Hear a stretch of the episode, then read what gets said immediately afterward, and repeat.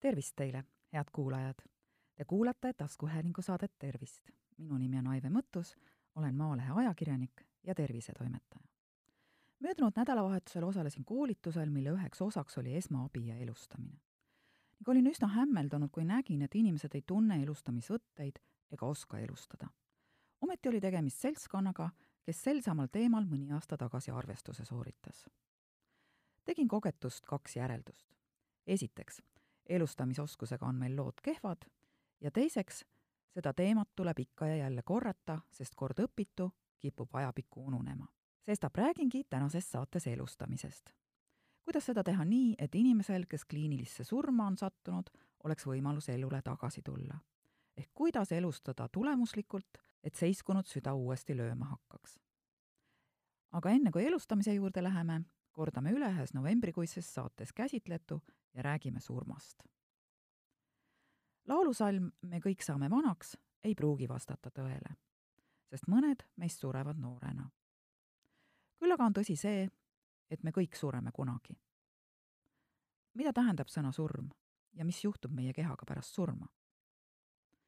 surm on organismi elutegevuse pöördumatu lakkamine ning suremusprotsessis eristatakse erinevaid staadiume. esimene neist on agoonia selle käigus tekivad teadushäired ja teaduse kadu, südamerütmi häired, hingamisraskused, kopsuturse. võivad esineda ka krambid. järgmiseks staadiumiks on kliiniline surm, mis kestab kolm kuni viis minutit ning kui inimene selle aja jooksul abi ei saa, saabub pöördumatu ja lõplik bioloogiline surm. kliinilises surmas inimese südametöö lakkab, vereringe seiskub, kesknärvisüsteemi talitus on lakanud ja teadus puudub vereringe seiskumise tõttu muutub nahk kahvatuks ja tsüanootiliseks. ebaefektiivne agonaalne hingamine võib püsida kuni kümme minutit, enne kui tekib täielik hingamise seiskus ehk apnoe. ühe minuti jooksul vereringe seiskumisest võivad olla säilinud kõrirefleksid, mis ilmnevad, kui teha hingetordu intubatsiooni. pupillid ei reageeri valgusele ja laienevad umbes minuti jooksul pärast vereringe seiskumist, kuid võivad teatud juhtudel jääda ka kitsaks näiteks opiaatide mürgistuse korral. kliinilises surmas olevat inimest on võimalik elustada. kui seda aga ei tehta, järgneb bioloogiline ehk ajusurm. selle käigus rakkude elutegevus lakkab, inimese kehatemperatuur langeb, lihased kangestuvad, veri paikneb ümber allpool asetsevatesse kehaosadesse, tekivad koolnulaigud. limaskestad kuivavad ning algab pehmete kudede lagunemine eluprotsesse ei ole selles staadiumis võimalik enam taastada.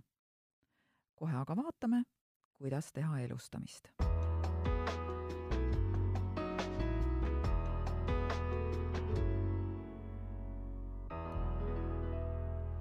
niisiis, inimest, kelle süda on seiskunud, on võimalik elustada kliinilise surma staadiumis ning õigesti tehtud südamemassaaž võib olla elupäästev Eestis alustatakse elustamist enne kiirabi saabumist umbes ühel kolmandikul juhtudest. ja seda on vähe. Põhjamaades tehakse seda tänu elanikkonna suuremale teadlikkusele kaheksakümnel, üheksakümnel protsendil juhtudest. inimesed ei julge elustada, kardetakse, et ei osata. kuid kõige tüüpilisem viga elustamise juures on kiirabiarstide sõnul see, et seda ei tehta.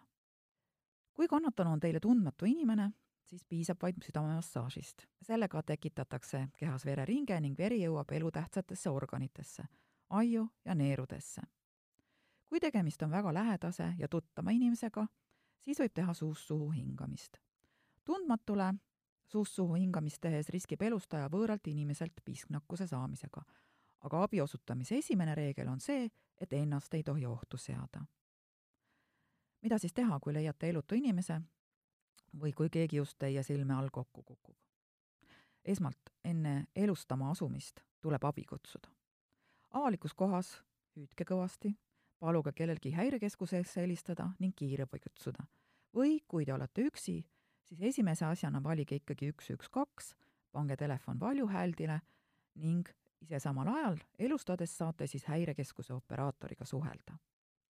sest kui te ei helista, ei saa kiirabibrigaad kannatanuna appi tulla, nad ju ei tea, et teie kusagil meeleheitlikult kedagi elustate.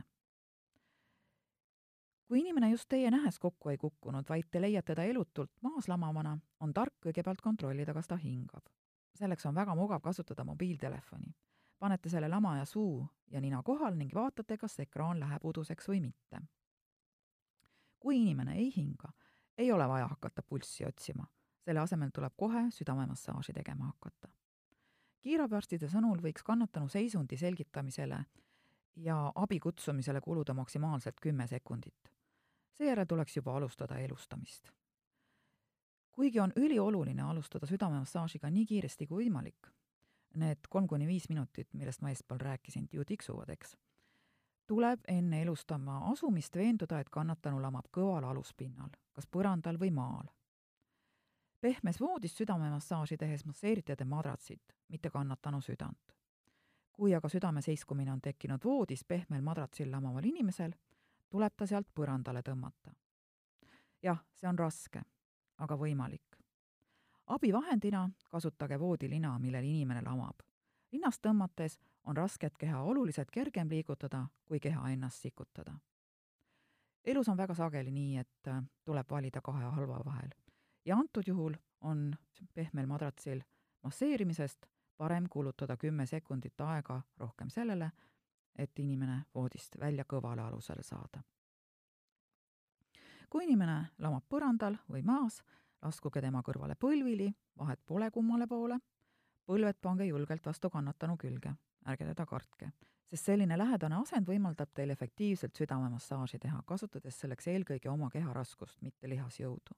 Avage kannatanu riided, paljastage rindkere, asetage oma käelabad üksteise peale ning sedaviisi koos rinnaku alumisele kolmandikule kuidas aru saada, kust algab rinnak ja lõpeb kõht. kõht on pehme, rinnak kõva. katsuge. liikuge õlgadega käelabade kohale, hoidke küünarliigesed jäigalt sirged ja vajutage. kui te küünarliigesed kõveraks lasete, ei ole vajutus efektiivne. südamemassaaži tegemine on füüsiliselt raske. Kui see raske ei ole, siis teete te tõenäoliselt midagi valesti. näiteks vajutate rindkeret liiga vähe alla kui palju seda siis vajutada, kui jõuliselt. liikumise ulatuseks peaks olema viis-kuus sentimeetrit ehk umbes kolmandik rindkere paksusest. nii et vaadake siis ka selle inimese kehakaalu, keda te elustate.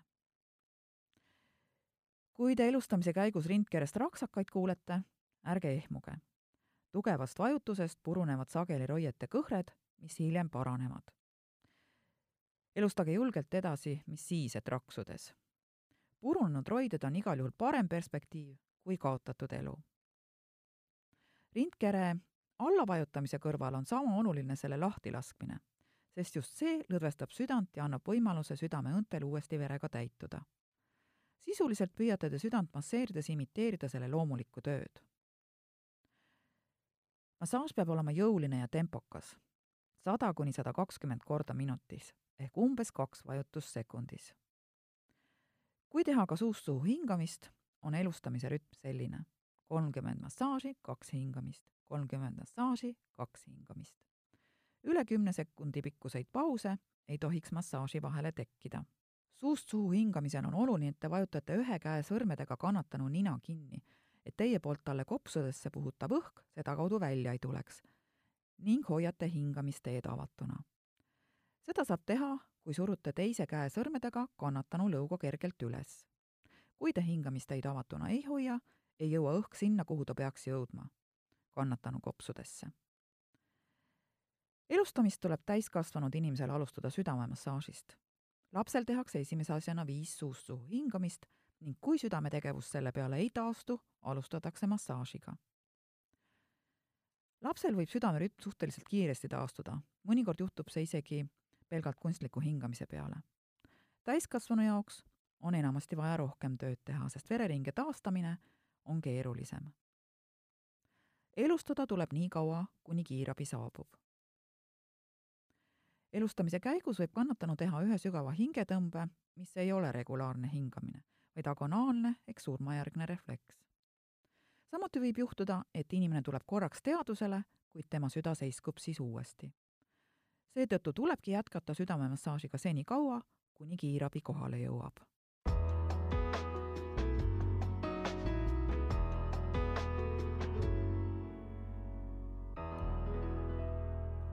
ja nüüd kiirkorras veel kord elustamise abc. kõigepealt kutsu abi helista üks, üks, kaks, pane telefon enda kõrval valjuhääldile ja kontrolli kannatanu seisundit. teaduse kontrolliks hõika teda ning proovi temaga kontakteeruda. seejärel hingamise kontroll, kasuta selleks kas mobiiltelefoni ekraani või pane oma kõrv kannatanu suu lähedale ja vaata, kas kuuled või tunned õhu väljumist.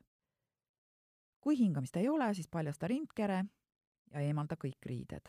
massaaži koha leidmiseks aseta käed rinnaku keskele. rinnak algab kolmnurgast, kus roided kohtuvad. aseta oma põlved patsiendi lähedale, kohe päris külje vastu ja alusta südamemassaaži. vajuta ühtlase, kiire tempoga rinnakule ja suru kogu kehaga, mitte ainult kätega.